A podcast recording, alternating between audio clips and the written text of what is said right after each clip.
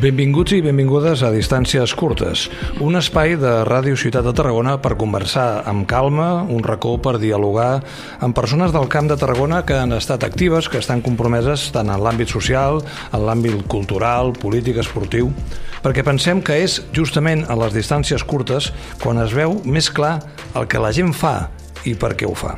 Cada setmana portarem als estudis a convidades i a convidats per compartir 45 minuts de conversa tranquil·la, 45 minuts per comprovar com les distàncies entre les persones, els municipis, les institucions del Camp de Tarragona són més curtes del que sembla. No són quilòmetres, són les ganes d'avançar i les ganes de compartir. I estrenem el programa amb Josep Poblet, president del Consell Social de la URB, entre altres qüestions, i també amb una llarga i fructífera carrera política política de 32 anys.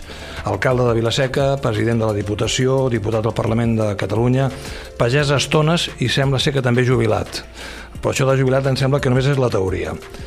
L'escriptor i polític cubà José Martí Pérez, organitzador, entre altres coses, de la Guerra d'Independència de Cuba, va dir que hi ha tres coses que cada persona hauria de fer durant la seva vida.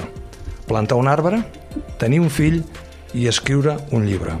Josep Poblet, sembla que vostè les ha assolit totes tres, no ho sé, i que potser li faltaria només pujar en globo. Sí, no he pujat en globo. Vaig tenir una oportunitat però feia mal temps i van suspendre el vol. Les altres tres, eh, diguem, en diferents graus d'encert, les he fet totes tres. Eh, he tingut un fill, del que n'estic, evidentment, molt orgullós. Eh, quin era l'altre? Plantar, plantar un arbre? No un arbre, sinó diversos, perquè estic molt vinculat a la terra i a la pagesia. Uns van ser ajudant a casa i altres els he plantat jo. Ah, no fa gaire, n'he plantat un parell. I el d'escriure un llibre, diguem, sí, ho he fet, he complert, però diguem aquí no, no, no, no em presumeixo tant. El tenim aquí, que és el Dau, el Dau del Temps, eh? eh una obra, potser és l'única obra, diguem-ne, exclusiva de, de Josep Poblet. Sí, el vaig anar escrivint eh, diverses nits d'un hivern, bàsicament, del 2017 cap al 2018 aproximadament, i va sortir a la llum el 2019. El que passa que la, la seva inquietud pel món literari va ser bastant, eh, bastant matinera. L'any 1967 va guanyar el primer premi del concurs literari convocat pel 75è aniversari del Centre Catòlic de Vilaseca. I només tenia 11 anys. Sí, tenia 11 anyets. I em va sorprendre molt perquè era una redacció bàsica, no era un, un, vaja, un, un relat, un relat sobre la vida local i, i me'n recordo que un dels apartats eh, no el recordo tot, eh, però un dels apartats explicava com es feia una bona escalivada una cosa que avui molta gent segurament que no sabria fer, no? I per tant no, no m'esperava pas que, que això fos premiat i si ho vaig ser. Vaig tenir el primer premi en 11 anys, naturalment vaig estar molt content, perquè a més a més hi havia, em sembla, una petita dotació econòmica que en aquella edat la valores moltíssim. Les converses de distàncies curtes les compartim amb el company eh, Tomàs Carot, Tomàs, Bona tarda. Tenim aquí, Bona hora. Ten, ten, tenim un personatge d'aquests que ha deixat empremta a la demarcació. Tindrem ocasió en aquest, en aquest gairebé tres quarts d'hora de parlar del seu perfil personal. Ens interessa saber què és el que estàs fent en aquests moments, també de la teva carrera política i sobretot una cosa que està en l'objectiu del programa que és posar damunt de la taula experiències, projectes, visions respecte a la cohesió creixent del Camp de Tarragona, a vegades allunyada d'aquesta visió que una mica tribal de competència convivència entre municipis? Jo crec que precisament és una bona part de l'objectiu d'aquest eh, programa que estrenem avui i precisament eh, una persona emblemàtica que per això l'han portat per estrenar aquest programa és Josep Poblet perquè durant tota la seva trajectòria ha tingut clar aquesta visió del territori i eh, va acabar la política precisament eh, enlairant encara més aquest nivell no, i aquest sostre amb la formulació juntament amb la universitat de la regió del coneixement com una aposta de futur que segurament eh, potser fins i tot s'ha avançat en el seu temps, no? perquè és massa agosarada o... A veure, primer que tot, eh, eh, a tom d'aquesta salutació primera, eh, voldria agrair-vos que m'hàgiu convidat perquè un no s'espera ja que el convidin quan deix les responsabilitats. I en canvi això té un punt, diguem que en altres àmbits et demanen perquè per la teva experiència o veterania puguis aportar coses. Jo no sé si en el terreny de l'opinió ciutadana puc aportar o no puc aportar, però eh, tot el que he fet Ho he fet perquè n'estava convençut de la seva conveniència, puc haver encertat més o puc haver-me equivocat, però ho he defensat sempre, ho he defensat i ho he explicat.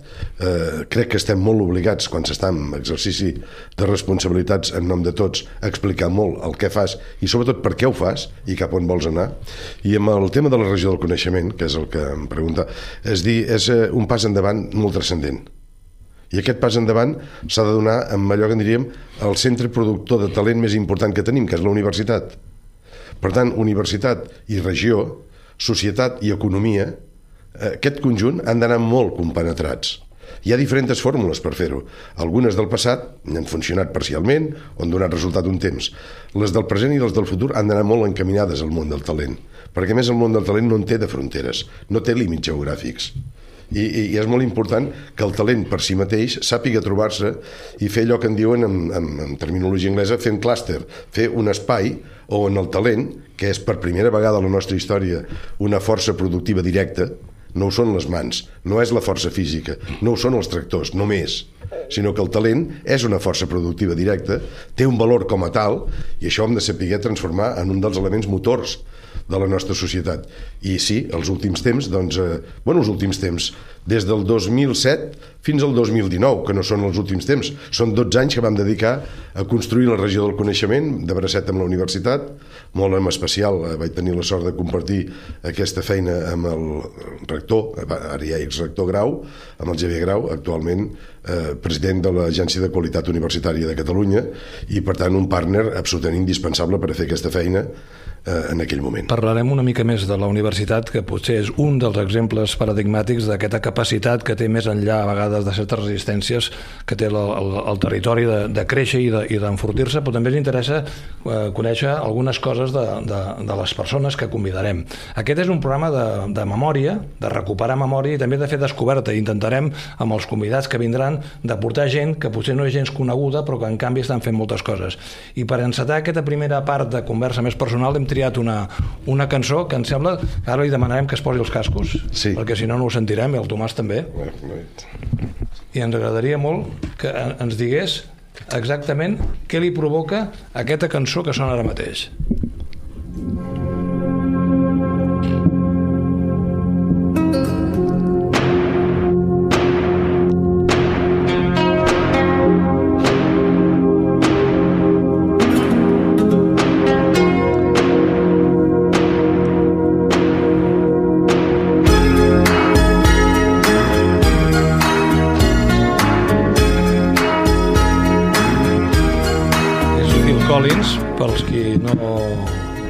Memòria musical eh? un altre dia al paradís Another Day in Paradise. Val més que ho recordem perquè segurament encara ja és una mica oblidat. Eh, és una cançó que té una lletra i una música extraordinàries d'un gran músic com és Phil Collins. Eh, la veritat és que va lligada molt a records personals i a moments concrets de la vida no?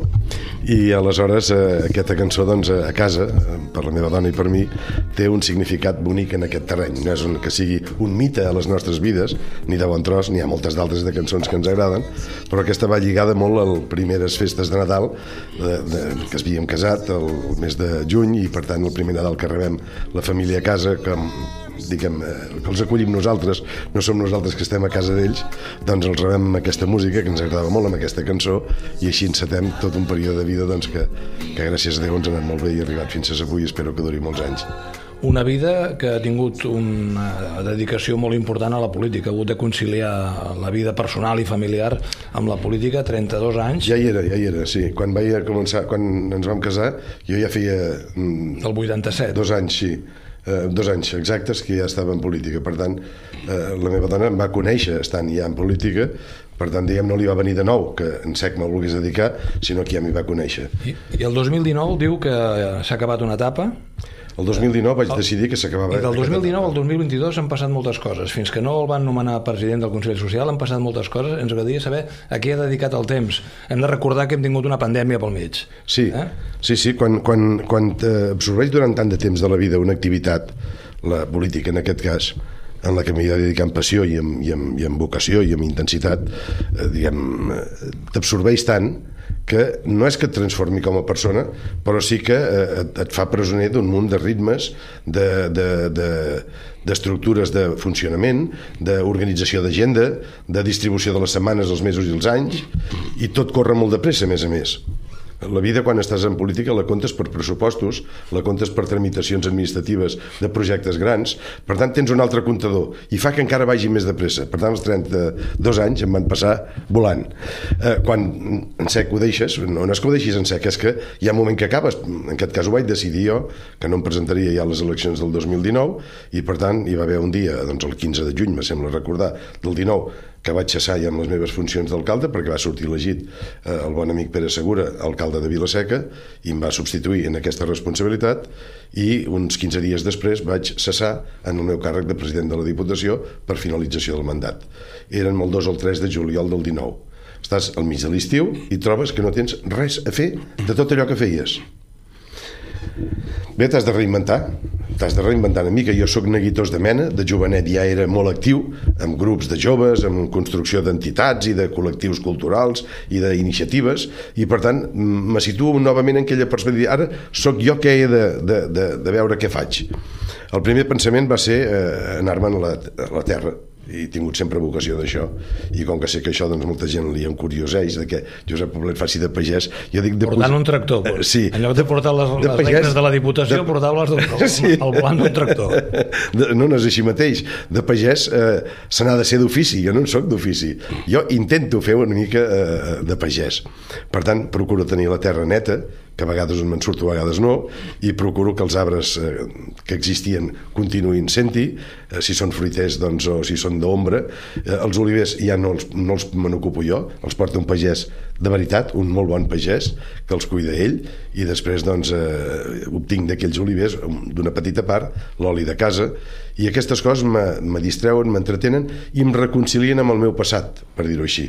Jo no estic renyit amb el meu passat, sé d'on vinc, i sé que vinc de casa de pagesos, de generacions multisecularment de pagesos. No hi ha hagut altre ofici a la meva família, per unes bandes i per les altres. Érem gent de la terra.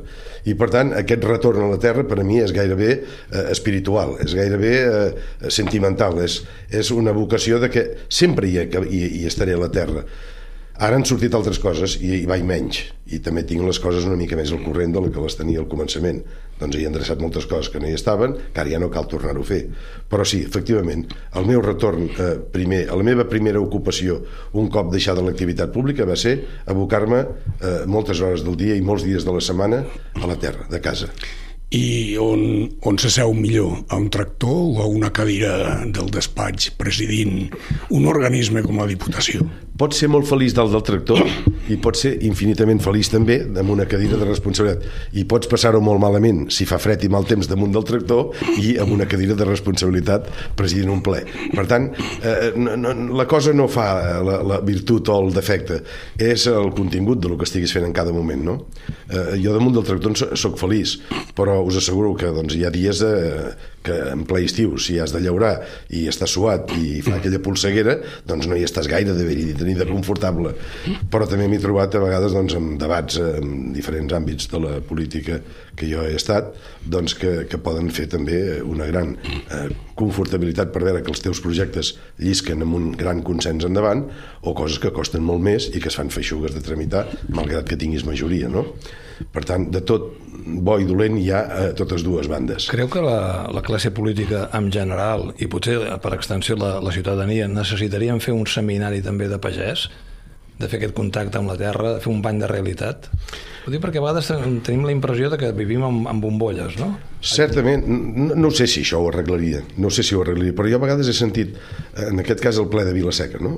Eh, pontificar sobre determinats aspectes de, de l'esforç, de la vida, del treball i del sacrifici, i, i jo, evidentment, per cortesia, no dius res ni repliques, no? Dius, el moment d'aquella persona ha de dir el que creu i pensa. Però jo entre mi pensava, i què sabrà aquest o aquesta del que és una vida dura de, de treball, de, de sacrifici i d'esforç? Jo sí que ho he vist, i no parlo de mi, parlo dels que m'han precedit. I, home, poc que coneguis la persona que està, tens al davant i, i que saps quina és la seva trajectòria i la confortabilitat en què ha arribat el dia d'avui, dius, no sé de què parla. És dir, a vegades, eh, eh, eh, parlem del que no sabem i, i parlem del que no coneixem i això sí que és eh, lamentable un quan en seu pública eh, pontifica sobre determinats elements pot tenir graus d'ignorància disculpables però ha de saber de què parla si no millor que no parli és dir, no, no, allò, no li fem mal al silenci no? Amb tot, la, aquest allunyament temporal de la, de la vida pública ha durat relativament poc. Eh? Del 2019 al 2022 eh, el nomenen president del Consell Social de la Universitat Rovira Virgili, un càrrec, diguem-ne, rellevant i amb responsabilitat, però entremig també eh, li han vingut o ha buscat altres ocupacions. És, algunes, és una mica cul inquiet. Algunes ja les, ja les tenia i, i, i he seguit col·laborant-hi. És dir, hi ha tot un àmbit de voluntariat en la meva vida actual que té que veure amb el món de, del risc d'exclusió social per diferents raons per raó de procedència, per raó de formació, per raó d'oportunitat. Persones que podrien fàcilment no treballar, no tenir habitatge, no tenir unes condicions mínimes bàsiques de dignitat a la seva vida. Això, diguem, ajudo o dono un cop de mà o opino en una entitat que es diu Formació i Treball. Ja hi era. Eh, I he continuat estant, i segueixo estant. Per altra banda, estic també eh, a UNADA, la Fundació UNADA. La Fundació UNADA s'ocupa de les persones amb discapacitat física i mental, fonamentalment, i amb trastorn eh, autista. Eh, alberga moltíssimes famílies, centenars de famílies, i té una trajectòria molt potent en aquest camp. Eh, em van demanar de, de donar-hi també, eh, fer-hi costat, de, de posar-m'hi, de, de ser vocal i més tard president i són realitats les que quan hi ets és molt difícil eh, girar-t'hi d'esquena o mantenir-t'hi en un punt d'indiferència o hi ets o no hi ets. I a UNADA doncs, convé molt que tots els que hi som ens ho creguem i, i naturalment ajudem a aquesta causa. Crec que ho estic fent tant com puc, però hi ha un equip sobretot al davant d'UNADA que dona gust de dirigir, perquè saben perfectament quina és la utilitat d'aquella entitat i quina és la funció que ha de complir.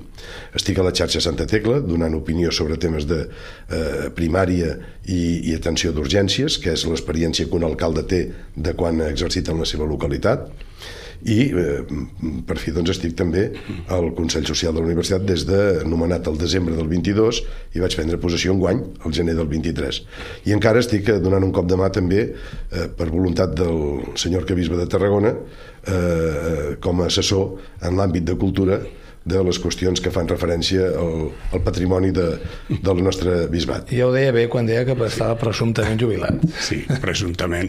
I déu nhi l'activitat, eh, suposo que per mantenir el tren de vida en el sentit de treball que ha mantingut tota la vida.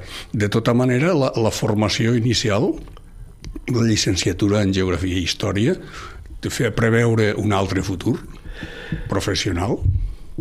Ho seré molt franc, no he planificat mai gaire el meu futur. Eh, he deixat que la vida llisqués, d'acord amb la meva voluntat, cap a la direcció que en cada moment m'ha semblat més oportuna. Vaig estudiar Geografia i Història com a contrapartida als meus estudis inicials de Química era el temps en què s'estava implantant el polígon químic. I la tendència natural dels pares era noi, si vols estudiar, doncs estudia química que això sembla que té futur. Però esclar, t'ha d'agradar la química. I a mi la química, la veritat no és que tinc res en contra, no m'agradava gaire. I eh, vaig deixar dos cursos i vaig deixar. I aleshores em vaig matricular amb el que de bo de bo em feia goig d'estudiar, que era la carrera de Geografia i Història, aquí al districte setè de la Universitat de Barcelona a Tarragona. Avui, Rovira i Virgili, però era aquell espai, no? I aquesta carrera no vaig planificar mai de què, a on m'aportaria, perquè de fet jo, el meu ofici, el que vaig tenir, era de tècnic especialista en estalvi a CaixaBank avui, a Caixa de Pensions en el passat, i allí vaig dedicar uns anys de la meva vida també. És més, la carrera la vaig fer treballant, la vaig fer treballant eh, ja a la Caixa. I quan finalment decideixo donar el pas a la política perquè m'hi conviden a formar-ne part i a integrar-me en una llista electoral de l'any 87 pel municipi de Vilaseca i Xalou eh, doncs eh, he de fer un plantejament que és reduir la meva participació laboral a la Caixa per dedicar-me a la nova responsabilitat que acabo de contraure en la vida pública. I quan finalment accedeixo a l'alcaldia deixo del tot la responsabilitat. I per tant agafo l'excedència de la meva professió i em dedico a la política on he finalitzat. I, per tant ja veieu que això ha anat venint. És dir, no ho he construït, jo he anat venint. Des del principi en majories. Sí, sempre eh, he d'agrair als meus electors, que fonamentalment han sigut en, en moltes ocasions, en set o vuit ocasions, els ciutadans de Vilaseca, que sempre ens han otorgat i m'han otorgat majories absolutes eh, per tant, majories amplíssimes. Li hem preguntat alguna vegada la fórmula i en, les, en diferents entrevistes que he pogut re, recuperar en diferents mitjans de comunicació sempre ha parlat justament d'alguna cosa que té a veure amb el, amb el títol d'aquest programa, no? que és les distàncies curtes. Sí, la, la sí. confiança amb la, amb la ciutadania. Aquesta ha estat la clau d'aquesta trajectòria de majoria rere majoria? I la confiança eh, te l'has de guanyar un dia i després eh, l'has de mantenir per tant, eh, allò que has dit que vols fer, i allò que has dit que penses, i allò que has dit que ets, i, i, i en què vols ocupar les teves eh, determinacions polítiques, ho has d'explicar des de la distància curta, ho has d'explicar amb freqüència, ho has d'explicar amb naturalitat. I jo sempre deia, no expliquem que volem fer un munt de coses, expliquem per què les volem fer, que és el que la gent vol saber. És dir, les famoses llistes de la compra que jo dic barra programa electoral, això cansa la gent. Ara, si a la gent li expliquem com volem fer les coses, per què volem fer les coses, cap on volem anar, quin és el nostre horitzó, cap on apuntem la mirada, això sí que és de l'interès de la gent, perquè fa que la gent també s'hi apunti en aquestes direccions, si els interessa, naturalment, i si els sedueixes, però en definitiva l'art de la política també és la capacitat de seduir sota una idea de futur, una idea de ciutat, una idea de país. Amb aquesta trajectòria de 32 anys eh, ha viscut eh, moltes coses, moltes coses des de l'àmbit de la política la segregació de Vilaseca Salou, el procés de construcció del que ara és eh, Port, Port Aventura... Sí. Mm, si hagués, si hagués de fer un, un, un, un rànquing de les coses que li han donat més satisfacció i també ha tingut alguns moments de, de, de dificultat. Recordem que fa relativament poc va ser absolt d'un afer de la dubte sobre la legalitat de la construcció del cap de Vilaseca com una seqüela del procés d'Innova, etc. No? És a dir, si hagués de fer un rànquing d'aquelles coses de les que se sent més satisfet d'haver-hi participat o haver estat mm, observador privilegiat i les altres que l'han fet patir més, quines serien? Me'n sento orgullós de la majoria de les que dic. No estic eh, gens satisfet, diguem, d'haver viscut una segregació, perquè crec que eh, va ser un, lamentable error, fins i tot, del, diguem, sobretot dels que la van propiciar i dels que la van demanar i dels que la van concedir. Fragmentar el municipi de Vilaseca i Xalou no va ser un encert.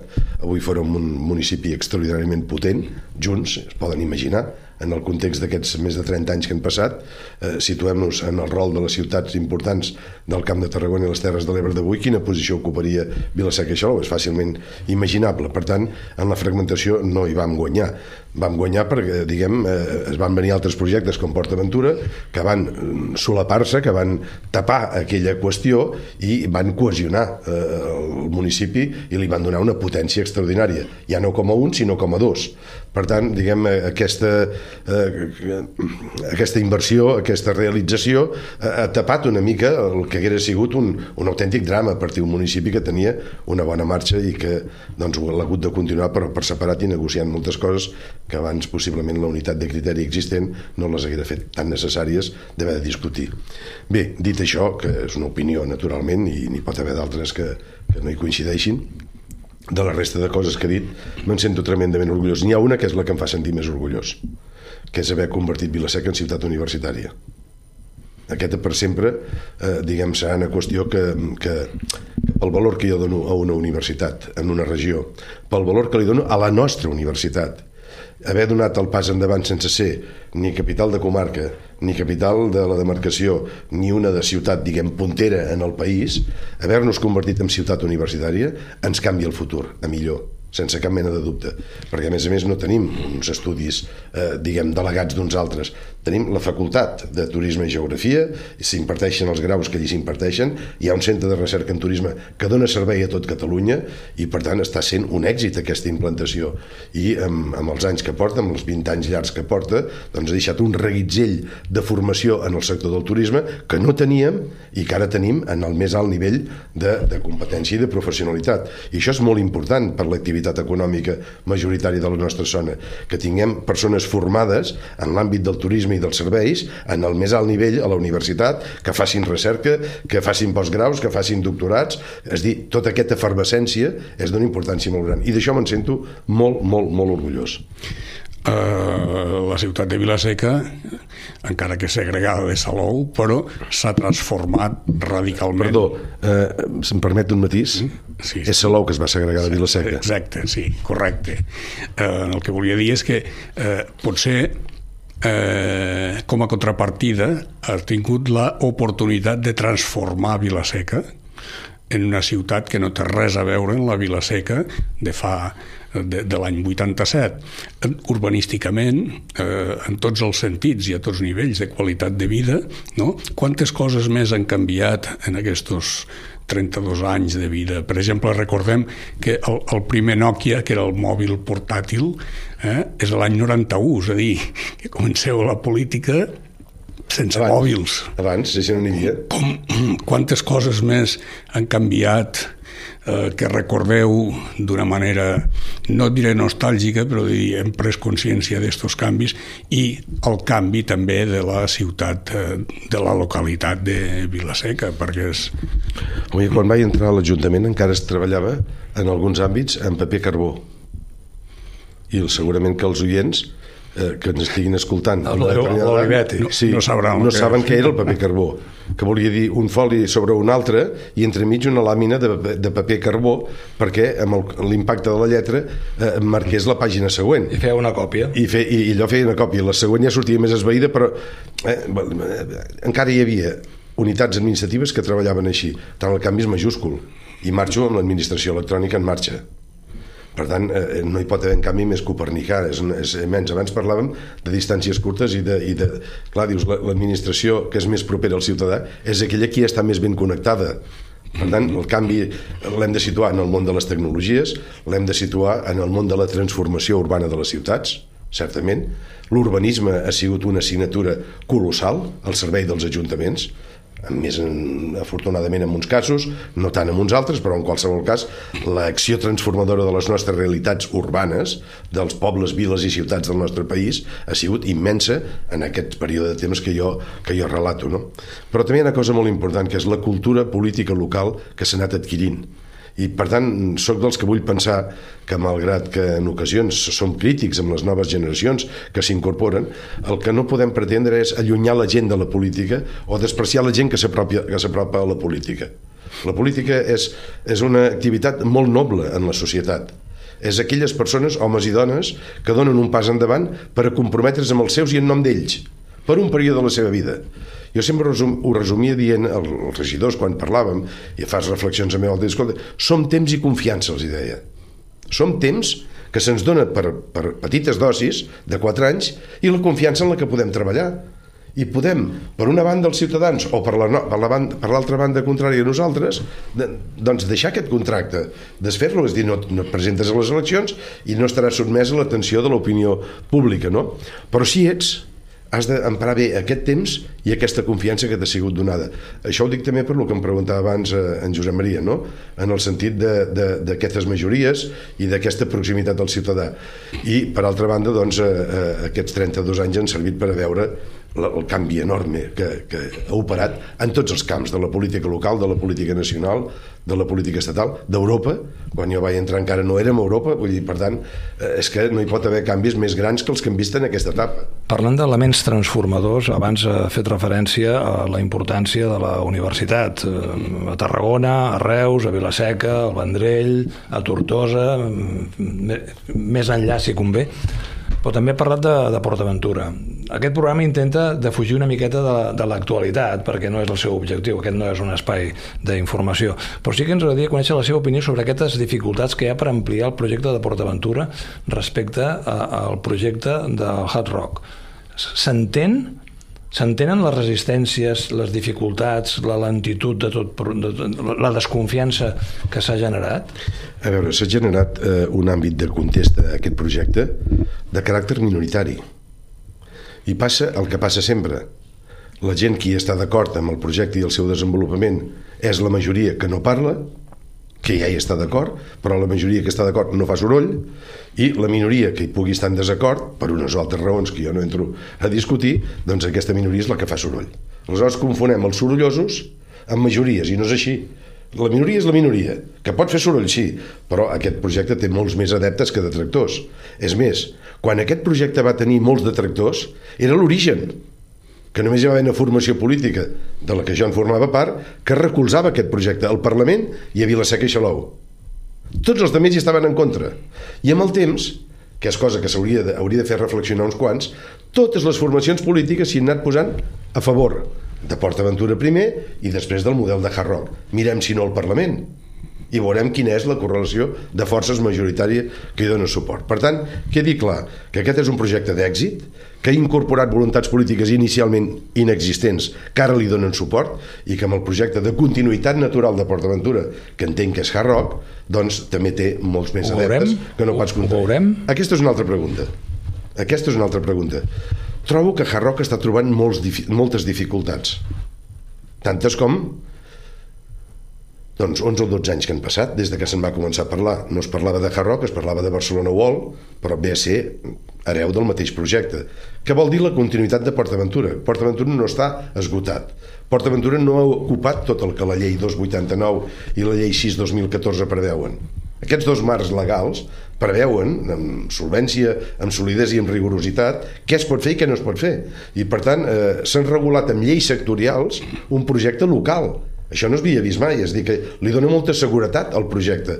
Per tant, eh, Hard Rock, com a continuïtat natural de PortAventura, hauria d'estar ja fent-se. El preocupa, I no s'està fent encara. el preocupa que la propietat actual de PortAventura hagi dit públicament que té el parc en venda?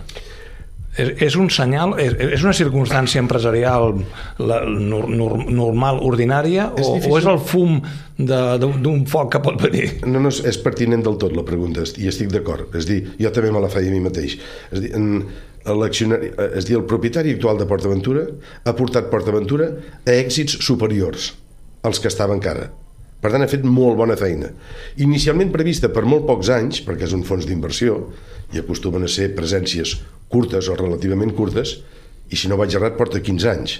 Per tant, és una història encadenada d'inversions i d'èxits. Inversions i èxits. Però d'aquesta manera que els dic, trenat. És dir, no ha deixat mai de fer-se inversions noves cada any donant-li actualitat al parc i alhora, naturalment, recollint èxits.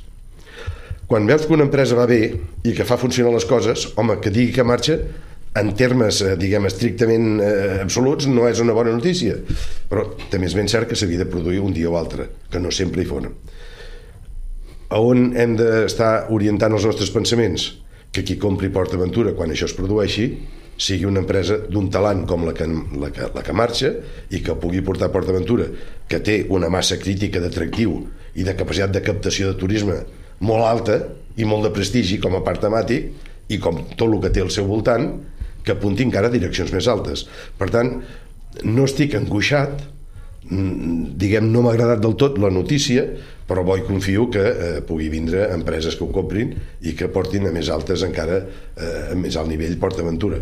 I alhora que es trenqui aquesta inèrcia d'obstacles eh, a Hard Rock i a la seva implantació i que puguem anunciar ja el dia d'inici d'obres i que Hard Rock sigui la continuïtat natural de PortAventura. Parlem una miqueta de política, potser? O Eh, volies introduir un altre tema? Sí, no, po- podem parlar de, de política i precisament eh, partint d'un tema i és que Josep Poblet ha estat bàsicament abocat sempre al municipi i a la Diputació, és a dir, allí on es devia, eh, diguem-ne, política i administrativament. El partit potser ha tingut també algun poder en algun moment donat que també es va acabar així d'una manera sobtada eh, ressentiments eh, No, no, ho podeu dir clar, ho podeu dir clar. Mal- dir, mal rotllo. Agraeixo la cortesia de dir es va acabar així d'una manera sobtada. Es va acabar malament, ja ho dic jo, no es va acabar bé. Hi havia dues corrents de pensament en aquell moment, dues corrents de- d'acció, eh, dues corrents de- d'actuació, de la que la meva es va debatre en retirada. Eh, No, no, no m'importa admetre, eh, diguem que aquí, eh, diguem, era impossible que pogués prosperar la meva posició i la dels que m'acompanyaven perquè eh, els altres tenien capacitat d'incidir en llocs doncs, eh, que ho feien impossible que la nostra estratègia guanyés. Eh, vaig tirar enrere. No vaig tenir cap recança en tirar enrere. Vaig dir, escolta, tot per vosaltres. Jo sempre he dit que vaig marxar contrariat amb els que havien eh, m'havien barrat, eh, no a mi el pas, havien barrat el pas a la meva acció política. No pas a mi, perquè jo vaig seguir sent alcalde de Vilaseca, era diputat a la Diputació i després em vaig ser president. Per tant, no, no, no tenia cap objectiu polític que me l'haguessin barrat. Però la idea amb la que treballaven sí. I aleshores jo vaig dir sempre, dic, estic eh, ressentit, diguem, enfadat o, o disgustat d'aquells que, que han jugat, a més a més, amb un punt de traïdoria, perquè els tenia el meu equip, amb un punt de traïdoria, eh, però no em vaig enfadar mai amb el partit. El partit com a tal, Convergència Democràtica de Catalunya, que és el partit al que jo, eh, diguem, vaig formar part des de que vaig començar en política fins que vaig acabar, eh, doncs no, no, no vaig tenir cap, cap, cap dis, disparitat de criteri amb el partit. La vaig tenir amb persones del partit i concretament amb un secretari general del partit. Va ser una, una intromissió eh, directa de Barcelona els que, ja, els que ja pentinem alguns cabells blancs, recordem alguna imatge d'algun cotxe oficial aparcat a prop de la Diputació a altes hores de la matinada, sí. quan vostè encara no era president de la no, no, Diputació. No, ho podeu dir ben clar. Va ser una absoluta mm, eh, intromissió d'un de, de determinat poder de Barcelona amb la, eh, diguem, col·laboració eh, inestimable d'alguns dels que jo tenia al costat meu, que van fer costat... Aquests són els que encara predicaven que sempre ens manen els de Barcelona però a vegades ens sotmetem al poder de Barcelona per objectius un tant obscurs. I per tant cap recança em reconèixer que aquella etapa al front de la Federació de Convergència a tota la demarcació, que agafava tota la demarcació Camp de Tarragona i Terres de l'Ebre, per tant, eh, amb una alta responsabilitat que vaig, eh, diguem, tractar de conduir amb el major dels esforços i il·lusions, eh, va durar uns dos anys i, eh, diguem, alguns, eh, algunes ànimes d'aquesta terra doncs se'n van ocupar d'ajudar eh, aquests cotxes que venien de Barcelona a que el projecte no reixís. El que és curiós perquè amb la lògica política tradicional una circumstància com aquesta hagués significat la fi de la carrera política de Josep Poblet i en canvi vostè va continuar traient majories absolutes al seu municipi Té una i va, va acabar arribant a la Diputació, és a dir, es va imposar el pragmatisme i la, i la, imposar, i la independència. Es va imposar que per mi el partit no va ser mai la prioritat. Era un instrument en un determinat moment que el vaig tenir a les mans des de la, del sud de Catalunya vaig tenir una contesta i una reacció que no m'esperava de part d'alguns, hi va haver aquesta acció de traïdoria i vaig dir ho teniu les claus, continueu vosaltres. Perquè el partit per a mi era una càrrega. Jo on realment tenia la il·lusió i m'hi dedicava en plenitud era l'Ajuntament i com a diputat de la Diputació. Eren les meves feines prioritàries i principals la de l'Ajuntament sobretot. Per tant aquella em va vindre com una mica afegida. La vaig fer en gust. Però si damunt de què et sobrecarregues la teva activitat encara has de tindre gent que t'estigui burxant cada dia allò que jo vaig dir quan vaig plegar vaig dir, escolta, jo tenia una pedra a la sabata i no saben vostès el, el, descans, el descans que et queda. Quan te treus la sabata, treus la pedra te la tornes a posar dius, hombre, ara ja no em punxa va ser això, em vaig treure la pedra de la sabata i per tant tothom que pugui escoltar i connecti amb aquells temps sabrà qui era la pedra i, i com va anar la cosa no? per tant, eh, com que el partit no era la meva prioritat la meva trajectòria política va continuar intacta al servei de Vilaseca al servei del món local i al servei de la Diputació que era el que jo en aquell moment estava fent no com a president sinó com a diputat Parlant de pedres, jo diria que més que pedres potser es tracta d'una maledicció en aquestes comarques de la qual ens sentim tan privilegiats de viure perquè hi ha de tot i seria la Sabinosa perquè hi ha temps del president Gomis i ja fa molts anys d'això eh, que es parla de projectes però eh, en, en tots els governs hi ha alguna maledicció que afecta la Sabinosa? Perquè eh, tenint en compte la força i l'empeny que han posat sí, els correcte. presidents eh, segueix tot igual. Potser sí que al final haurem de pensar que hi ha alguna mena de maledicció bíblica que impedeix que allà s'hi faci res. No, no, no, no ho crec no ho crec, no ho penso així però eh, és, és com diria, és una mica tediós parlar tantes vegades d'aquesta qüestió perquè certament eh, diguem, hi ha hagut molts intents. I el darrer que vaig fer, que no em dol explicar-lo eh, era quan s'estava tramitant la modificació del Pla General de Tarragona. I, i vaig comentar-los a les autoritats de, de l'Ajuntament, el govern de la ciutat, li vaig dir, escolteu, aprofiteu l'ocasió que esteu modificant i modifiqueu la qualificació de la Sabinosa perquè hi puguin passar coses, perquè es puguin fer coses allí. I em van dir que no, que si volíem modificar la Sabinosa, el propietari, la propietat, és la Diputació, que tramités de part la petició de modificació. Crec que era una manera, això és literalment així, que era una manera de eh, que hi hagués algun tipus de queixa social de que l'Ajuntament modificava les condicions de la Sabinosa, que era no fer-hi res. No sé qui es podia molestar, però bé, en qualsevol cas vam seguir aquest criteri, vam convenir amb l'Ajuntament i amb el Col·legi d'Arquitectes que ho farien plegats, perquè hi hagués un cert testimoniatge de què avançàvem sense cap mena de connotació política ni ideològica i aleshores vam buscar un bon equip que va tramitar la modificació al Pla General. Es vota a la Diputació el mes de febrer de l'any 19, crec recordar, es vota per una amplíssima majoria, o sigui, tots els diputats menys un, 26 diputats a favor.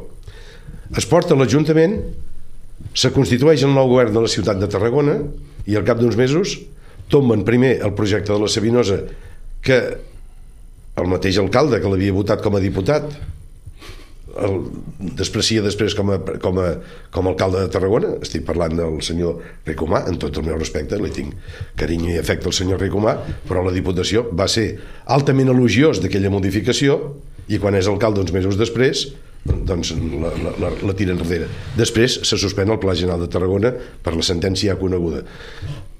No li puc explicar més aquell projecte pretenia desbloquejar la situació de que la Sabinosa s'hi pogués fer en concurs públic i s'hi poguessin fer coses, moltes, importants per la ciutat, importants per la regió.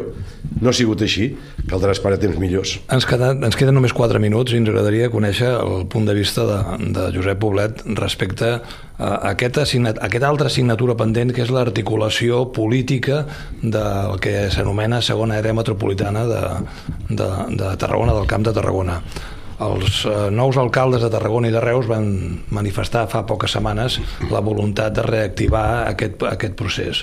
Vostè creu que això ho veurem algun dia? Més, més enllà d'altres projectes que tenen a veure amb la realitat, la regió del coneixement, la universitat, és a dir, des del punt de vista polític. Que som la segona eh, àrea amb importància econòmica del país, i dic importància econòmica del país, fa molt de temps que ho som. Per tant, eh, la nostra àrea geogràfica, Camp de Tarragona, podem posar també les Terres de l'Ebre, però si voleu referir-se al Camp de Tarragona, té un pes en el conjunt de Catalunya que ens fa ser, després de Barcelona i la seva gran eh, àrea urbana, eh, l'altre punt d'interès del país. Això és així per naturalesa, perquè, perquè ens hem construït amb, aquesta, amb aquest pes específic i avui en dia constatem aquesta realitat. Eh, Articular-nos com a àrea metropolitana vol dir crear les condicions, crear els, els, els mètodes de funcionament que ens facin pensar en plural i no en singular. Vol dir que aquella realitat que entenem que cada dia funciona per l'administració, per la, el treball, per la ciència, per la recerca, per, per la, la vida sanitat, cultural, per la vida cultural, per la vida festiva, que, que ens articula més enllà del nostre propi lloc on vivim i que participem de tota aquesta realitat restant, això vol dir que és una geografia comú i compartida, que hi ha diferents lideratges i que aquests lideratges polítics, me refereixo, econòmics, socials i territorials, han de dialogar han de compartir aquestes inquietuds i han de saber construir l'espai on es prenguin les decisions en plural, encara, no singular. Encara no hi som?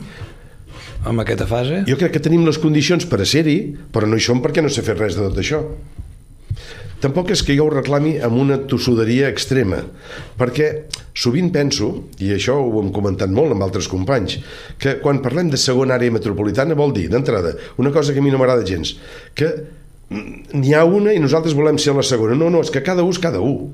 Vull dir, l'àrea metropolitana de Barcelona va néixer com a conseqüència del creixement desordenat de Barcelona i es va haver de posar ordre en aquell, en aquell caos fruit de la immigració i d'aquells anys de desenvolupisme sense cap mena de fre, que només es va trobar aquest instrument dit àrea metropolitana per a governar el conjunt d'aquelles ciutats, no una, sinó diverses.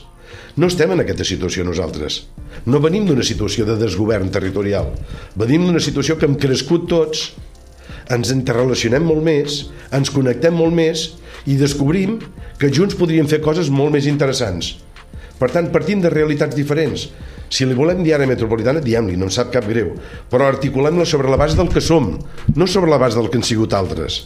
I no ho dic pas per, per diferenciar-nos ni per oposar-nos a res, sinó que l'origen d'aquella àrea és un de molt diferent a l'origen de la nostra.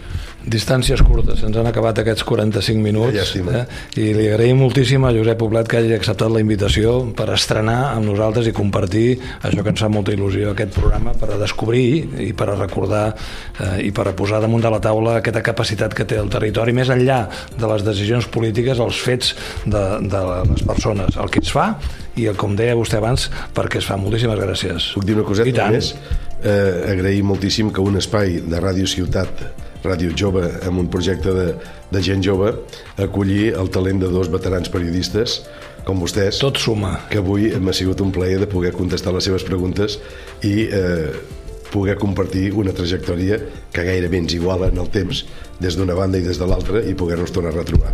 Moltes gràcies. I tornem nosaltres la setmana vinent amb un altre convidat o convidada. Mantenim la, la sorpresa amb el Tomàs Carot. Incògnita. Adéu-siau.